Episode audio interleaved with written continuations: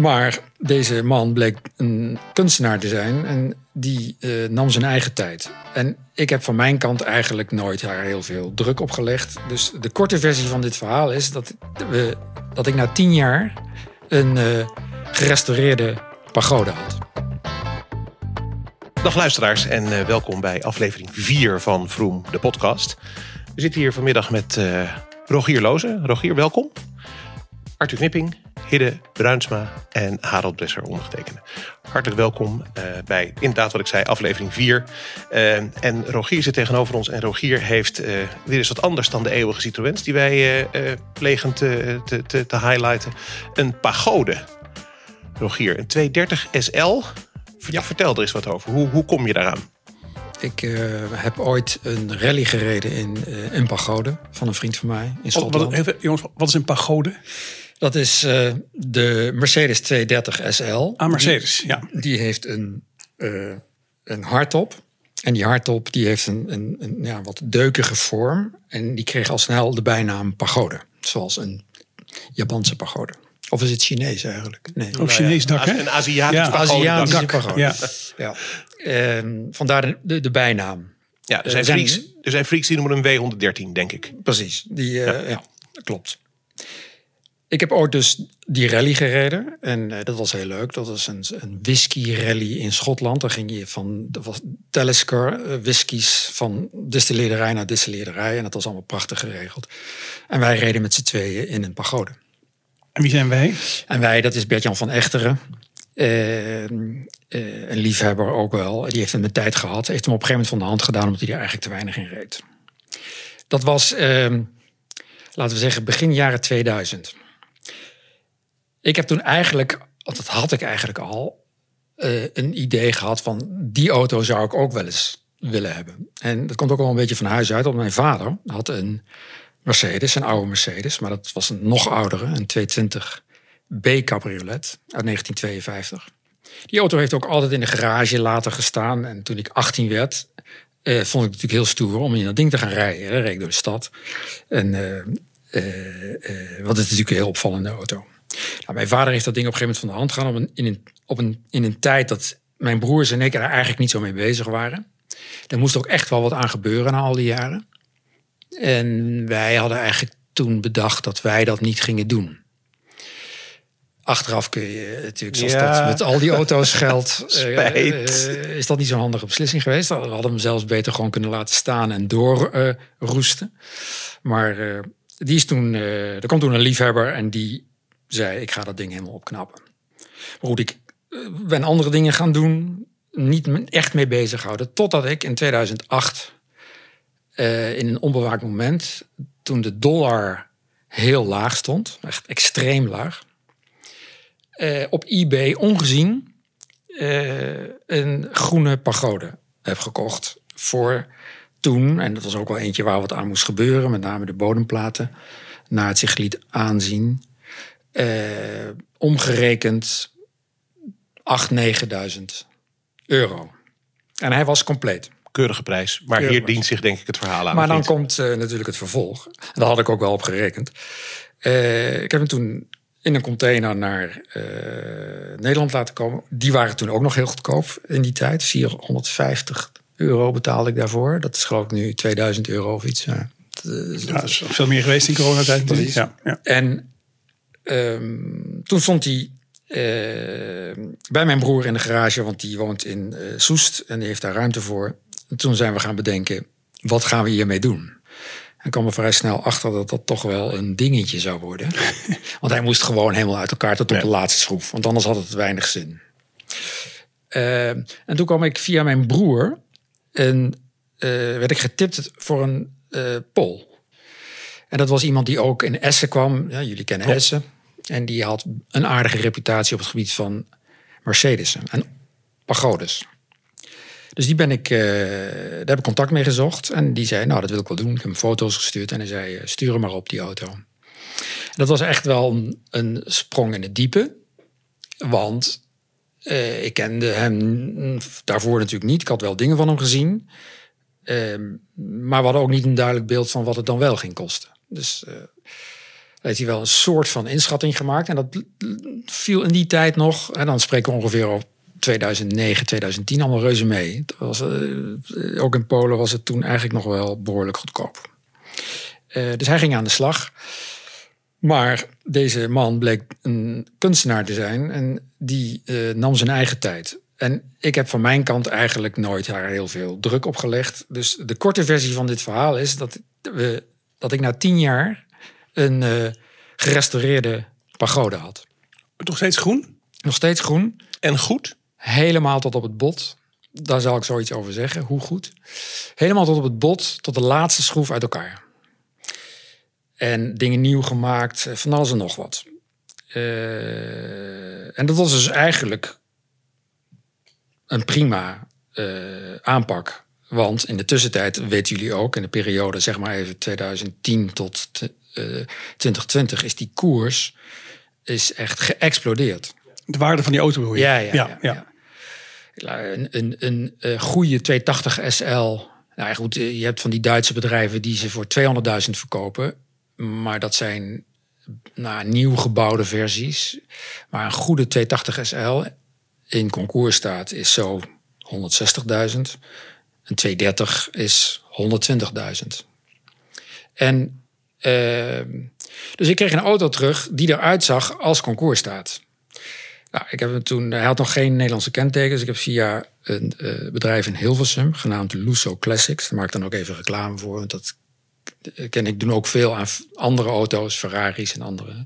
Maar die zeiden, ik help daar wel mee, we zetten dat ding op naam. Want als jij dat zelf gaat doen, dan word je door de dienstdoende ambtenaar gegild. Want die gaat jou allemaal moeilijke dingen vragen over die auto. En mogelijk ook afkeuren. Het RDW bedoel je zo? Dat? Ja. ja, ja precies. Nou, dat is, hij heeft hem er doorheen getrokken. Dat is allemaal prima gegaan. Maar hij is hem ook gaan bekijken. Nou, dan komt dan nu een deel van, laten we zeggen, de Poolse uh, aanpak. Dat uh, hij hem eigenlijk te mooi had gemaakt. Kleine details als laspunten die je moet terugzien in, aan, de binnenkant, aan de binnenzijde bijvoorbeeld van de motor. Uh, van de, ergens als je de kap open doet, de rand van de... de ja, waar de spatbord het boterham aanraakt. Precies. Ja. dat zijn, oorspronkelijk waren dat allemaal laspunten.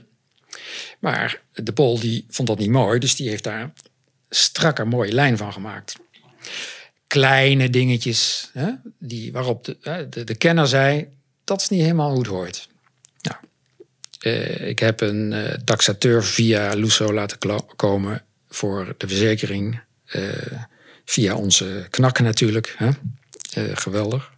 En die taxeerden hem inderdaad voor de hoogste klasse concours voor een, enorm bedrag.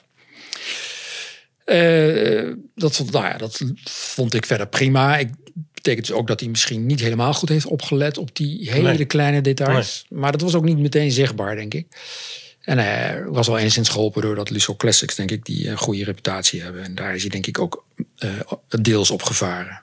Nou, ik haal hem naar Amsterdam. Ik had een mooie garageplek. En dat was een semi-openbare garage onder het Fashion Hotel. Dus je hebt een openbaar deel ja. en nog een apart deel met een aparte slagboom. En nou, daar stond hij, kon die staan. Ik stelde nog de vraag, hoe veilig is dat? Nee, dat was heel veilig. Nog nooit had meegemaakt.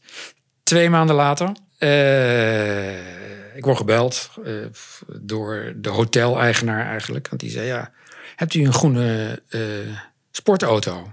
Ik zei, ja, ik heb wel een groene, ja, klassieke auto. Ja, ja die, ik vrees dat ik u moet melden dat die weg is. En nou, bleek dat ze de slagboom alle afgezaagd. Er zat een stuurslot op. Dat krijg je er wel afgezaagd allemaal natuurlijk. Startonderbreker, alles. Dus een, een behoorlijk goed voorbereide inside job, denk ik. Mensen ja. hebben hem zien staan. En hebben vervolgens bedacht, dat ding gaan we stelen. Ja. En uh, dus dat is gebeurd. Uh, camera's van het hotel bleken deels niet te functioneren. Dus we hebben uiteindelijk de, we zien wel een gegeven moment een beeld ergens, maar we hebben de, de mannen nooit gezien. Uh, auto, nooit meer wat van gehoord. Ook niet. De politie heeft ook nog op een politiebericht gestaan. Nog steeds vindbaar. Ja. En definitief weg. En, uh, Hoe vaak had je erin gereden? Ja, drie keer denk ik. Drie keer. Oh, ja. ja. Ja, ja, dat was Tien jaar wachten, drie keer rijden. Ja. Oké. Okay. Dus dat was natuurlijk even een, een, uh, een momentje. En eh, een maand later eh, kreeg ik, eh, eerst kreeg ik nog een expert aan de telefoon. Die zei, ja, ik zie dat u net een, eh, een mooie taxatie hebt. Ja, ik, heb, ik neem aan dat hij het sinds eh, die eh, twee maanden niet heel erg is versleten. Ik zei, nee, hij ziet er gewoon nog hetzelfde uit. Ik zei, dus ja, ik hou, ik hou dat dan maar aan. En een maand later stond het volle bedrag op mijn bankrekening. Dus dat was wel schrale troost. Ook echt wel dus eh, een hele goede verzekering, kunnen we wel stellen. Ja, en geeft aan dat het heel verstandig is dat je auto hebt laten taxeren. Want dat is ook nog wel eens wat iemand vergeet. Absoluut. Ja. Ehm, dat was het verhaal van de groene gestolen auto. Ja. Eigenlijk ken ik jou pas sinds je een andere hebt. Ja. Met die kwartjes heb je gelukkig weer goed ingezet. Nou ja, dat was dan natuurlijk het vervolg. Hè. Was, ik, was, natuurlijk even genezen. Hè. Eh, maar het was natuurlijk wel een enorme teleurstelling. Want dat was nou ook weer niet de bedoeling. Dat, dat geld maakte wel wat goed. Dat spreekt vanzelf. En toen kwam ik eigenlijk eh, degene die eh, ik al en mijn broers al heel lang kennen, die ook een, verschillende auto's heeft en die in Zuid-Frankrijk woont, woonde inmiddels in Zwitserland. En die zei: Ik ga verhuizen en ik heb iets te veel auto's. En ik heb ook nog een pagode, wat ik wist. Ongerestaureerd, helemaal origineel, nooit aangelast. Eh, en de, dus niet, niet eh, in, in een gebruikte staat, maar prachtig ziet hij eruit. Nou, je hebt eh, foto's gezien. Ja, bewegende beelden zelfs. En bewegende beeld. En eh, die mocht ik van hem overnemen. Ja. En daar heb je verder niks aan gedaan. En daar heb ik helemaal niets aan Nee. hoeven doen. En die was ook in onderhoud. Alles klopte en loopt prachtig mooi. Ja, duidelijk. Wat een verhaal, man. Plaatjes op Vroom underscore de podcast. Daar vind je de bewegende beelden en de plaatjes. Harold, jij hebt mij ehm, meegenomen naar Soest, Dijk. Ooit, we gingen naar Apeldoorn. eh, Concours d'Elegance. Eh, dat heet dan nu ehm, Cars at the Palace. Wheels. Wheels at the Palace, precies. Ehm, want het zou dan moderner moeten worden. Nou, we waren daar denk ik ongeveer de jongste. Hè? Eh, dus zoveel moderner is het niet geworden. Maar jij stelde mij de vraag toen we daar wegliepen. Welke auto zou je nou mee willen nemen als eh, alles beschikbaar was? Ja. En jij had toen een Italiaan in je hoofd volgens mij. Hè? Ja, ik, had, ik zei de Alfa Romeo GTC. We kwamen daar, dat is dus gewoon de Alfa Romeo GT, maar dan de cabriolet-versie. Er zijn er heel weinig van gemaakt. En die hadden een ritje, een Europees ritje, en daar stonden er zes. ja. En ik vind, dat is niet eens een hele grote auto, maar Nee. hele mooie auto. En die Sommigen noemen hem gewoon de junior. Hè? Eh, Ja, sommigen Ja. ja, we hebben daar met iemand Ja. aan praten die daar Ja. uitgebreid uitleg over kon geven. Maar dat vind ik, vond ik de mooiste. Ja. En ik ben even eerlijk gezegd vergeten wat jij ook weer zei. Ja, ik had het is weer een Mercedes. Eh, iets ouder dan de Pagode. Ook een- zo'n grote S-klasse Oh ja. uit de jaren Een 60. T80 SE. Ja, en die stond daar ook mm, heel erg chic. Ja, van hoogkoeler of een Fantastisch. vlagkoeler, weet ik Ja, hoe dat heet, ja. Dat. Prachtige auto. Die stond daar. Die had onze minister Grapperhaus. Hè? Had Ja, is dat zo? Volgens mij, eh, ja, ja, daar reed hij wel, zag ik hem wel eens mee eh, in de buurt. Contouren. Oh, ja. Ja, Arthur, we hadden natuurlijk ook nog een luisteraarsvraag. Ja. Welke auto moet terugkomen? Ja. Dat zien we natuurlijk wel eh, nu wel vaker. Eh, alle, heel veel fabrikanten die met nieuwe auto's terugkomen. Je wilt na de Beetle en na de Mini. Ja, Eh, voor mij hebben recent ja. was er een Renault 5, denk ik, volledig elektrisch. Ja, De Volkswagen, het busje. De, ja, de. ID-bus. heel goed. Ja, Ja. absoluut. elektrisch helemaal. Ehm, beetje flauw is dat Citroën zijn Ami terughaalt. Maar die auto heeft natuurlijk niks met de Ami te maken. Is ook geen auto, is een brommer. Eigenlijk is dat ook Maar wel zo, leuk. Maar wel leuk. Het concept Citroën is Ami, leuk, Maar, ja. Precies.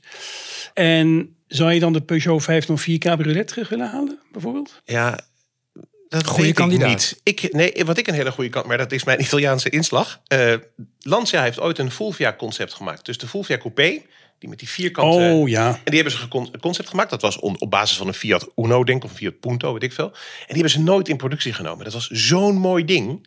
De, alle details van die oude zaten erin, maar dan in een modern jasje. Ja. Dat vond ik heel mooi. Ja, en eh, die auto die iedereen heel mooi vond, maar die ook roestte in de folder, dat was de- ook zo'n Lancia, eh, die je ook in integrale kon kopen. Hoe heet dat ding ook weer? Delta. Een Lancia Delta, ja. Daar is nu een Nederlands bedrijf, Maturo. Die maakt daar een resto-mod van. Nou, een Lancia Integrale, een Delta Integrale is, is al, eh, nou, dat komt in de buurt van de ton. Ja. En deze Maturo eh, Stradale heet die geloof ik, want hij er niet Integrale heet. 3,5 ton heb je een eh, nieuwe. Oké, Maar is wel een Maar- mooie auto. elektrisch of gewoon echt nog een lekkere brandstofmotor? Nee, een lekkere brandstofmotor. oh, fijn, oké, oké. Ja. Ja, daarover gesproken, die komt niet terug. We moeten toch even stilstaan bij de Peugeot 205, die dit jaar 40 jaar bestaat. Ehm, jij en ik hebben daar in de rode Peugeot 205 van jouw moeder best veel kilometers in gereden toen wij student waren. Ehm, wat ik al tegen je zei, eh, Smooth Operator, Sade op de radio. Of op de CD, pardon. Nee, Ehm, cassette. Cassette, echt waar? Op het cassettedek. Dat, ja, dat de tuurlijk. cd-speler in die auto zat. Nee, Oh, nee. een cassettedek. Waar, 1986. Die hadden we nog helemaal niet. Ehm, daar wordt veel aandacht aan besteed. En dat karretje is misschien wel de meest succesvolle Peugeot ooit. Ehm, in, in aantal verkopen. Ja. Dat, daar hoor ik nooit iets over. Dat ze zeggen, die gaan we herintroduceren. Want Nee. Die 3008 en zo, die lijken er helemaal niet Nee. Nee. Nee, misschien heeft Peugeot dat. eh, misschien komt het nog, maar vooralsnog is dat niet, eh, niet gebeurd. Nee. Over auto's die lang in productie zijn en eigenlijk ongewijzigd. Eh, Rogier is Mercedes-fan. Eh, ik ben het ook wel een beetje, naast mijn Italiaanse liefde. Eh, de Mercedes G, geïntroduceerd in 1979. Ja. Ondertussen nog steeds in productie. Ondertussen in een nieuwe wil je niet meer gezien worden. Want die is eigenlijk meer voor, nou ja, laten we zeggen... Dus die in Dubai een paspoort hebben. Mensen die in Dubai een paspoort hebben en Ja. in dat soort landen. Ja. Eh, maar zo'n hele vroege stond er ook eentje in Wheels, Wheels at the Palace. Eh, 81 volgens mij, in Ja. heel mooi groen. Is toch wel een leuke auto. Het was een lange, je hebt ook een korte, je hebt ook een cabrio. Maar het was echt een, een, was een leuk ding. Ja.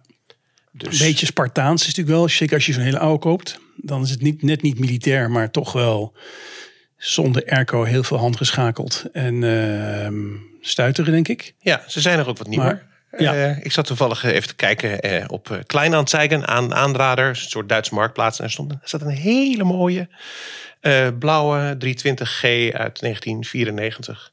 Met alles erop en aan. Eh, airco, open dak, standkachel. En daar kan je gewoon nog... eh, die heeft het ding heeft 200.000 kilometer gereden. Maar daar kan je nog een keer 200.000 kilometer mee rijden. En het is wel een stoer ding. Een korte. Dus nou ja, dat- overlegen ons nog? Ja, het zou zomaar kunnen dat we die hier een keer gaan bespreken. Maar dan rijden Zou zomaar kunnen. Ja. Eh, nog even over beurzen. De Soezijk hebben we gehad. Jij kondigde daar aan dat je ook naar, eh, naar Bologna gaat. Ja. Naar Italië dus. Om wat ook weer te gaan kijken? Nou, de, de Auto e Moco, Moto d'Epoca, eh altijd in Padua geweest, is de grootste, is zeg maar de, de Technoclassica die in Essen is, maar dan in Italië. Ja. Waar dus heel veel Italiaanse eh, auto's zijn. En waar ook Ita- Italië is ook een groot autoliefhebbersland. Nou, dat hoef ik niet te vertellen. Mille Miglia, noem maar op.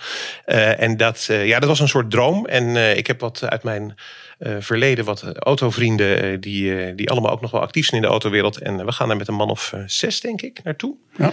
Ehm, en dus dat is hartstikke leuk. En Heel veel zin in. staan er ook veel te koopbordjes onder de Ja. uitwisser? Oh, Ja. ja. Dus Ja. het kan ook best zomaar zijn dat je daar... eh, Nou, dat denk Hebberig ik wordt. niet. Ja, hebberig word je er zeker. Ja. oh, absoluut. Ja. Ja. Ehm, oudere auto's die nog veel gebruikt worden. Rogier, jij hebt dan die pagode eh, mooi beschreven. Maar normaal gesproken rij jij voor de Nederlandse en misschien wel Europese ritjes ook nog in een hele leuke eh Youngtimer, denk ik is het hè? Ja, ja, 15 jaar nu is dat. Dat is, al- ja, in 15 zet de grens. Ja. ja, ja. ja, En Jaguar V- V8, ja, XJ XJ, uit 2008. kleur, Zwart. zwart, beige van binnen of eh, zwart Nee, van ook binnen? zwart. Ja. Ik zag eh, laatst op een filmpje een zwarte met een rode bekleding. Oh, Dat zie je niet veel. nee. Ik ken iemand in, eh, in Huizen die heeft een groene met rode bekleding. Ja, Ja, geweldig. dat is echt geweldig. Ja. Oké, is dat dan Ik zou bijna, eh, eh, donkerrood of echt een beetje felrood Ja, nog? Het is, het is natuurlijk niet dat het felle rood van vroeger. Kersen. Het is Kersenachtig. donker. Oh ja. ja. Dus het is in zoverre wat, wat, wat rustiger dan. Het, mag, het had wat heftiger gemogen. Ja. Ik zou, ik zou, ik zou bijna de zwarte lederen eh voor thuis eruit willen schroeven. Ja. Daarvoor. Maar goed, ik weet niet, dat is niet te krijgen. ongeveer. ja, in Apeldoorn Jawel. hebben ze daar zit, een, er voor. zit een vent in Apeldoorn Ja. die dat zo kan. Het is niet goedkoop, want als je er echt Nee, weer leren in wil. Ja, maar die gaat dan opnieuw bekleden. Ja. ja, Ja. ja. Ja. Weet je overigens, Harold, waar in welke provincie de, de, de hoogste dichtheid is van... eh, en daar heb ik niet over absolute aantallen, maar wie, eh, welk, welke, welke eh, provincie heeft nou de meeste per bewoner? Gelderland. Gelderland. Is dat zo? Nou, je bent heel warm. Maar de Friese hebben 1 op 57 mensen hebben daar een oldtimer. Of eh, ze hebben mensen met heel veel oldtimers. Maar de Friese staan bovenaan. En dan komen eh, de Drentenaren, dan de Limburgers, dan de mensen uit Gelderland. Maar wij hebben echt nog een missie te doen in Noord- en Zuid-Holland. Want wij staan onderaan hoor. Ja, maar ze hebben daar natuurlijk ook meer ruimte. Ze hebben daar een stalletje over, een schuurtje over. Ja. Daar kan wat in. Hè? Ja. En hier in het Westen hebben wij natuurlijk mensen die, die, die per stuk 20 auto's hebben. ja. Dat zou kunnen zijn. Maar het verhaal over ruimte is niet helemaal. Want in Flevoland hebben ze dan weer het minst. 1 Oh ja. op 145 mensen heeft daar maar een oldtimer. En in Noord-Holland 1 op de 102. Niet zo belangrijk, maar leuk om te weten. Ja. We hebben nog een, eh, een, een, eh, een rijimpressie, Arthur. ja, dat is een heel bijzonder autootje. Dat is een Frans autootje. Waar jij tegenaan liep omdat jij een eh, rondje Europa deed deze vakantie. Eh, Nederland, België, Frankrijk, misschien Luxemburg ook, in ieder geval Duitsland wel. Ehm, en dan kwam je iets tegen.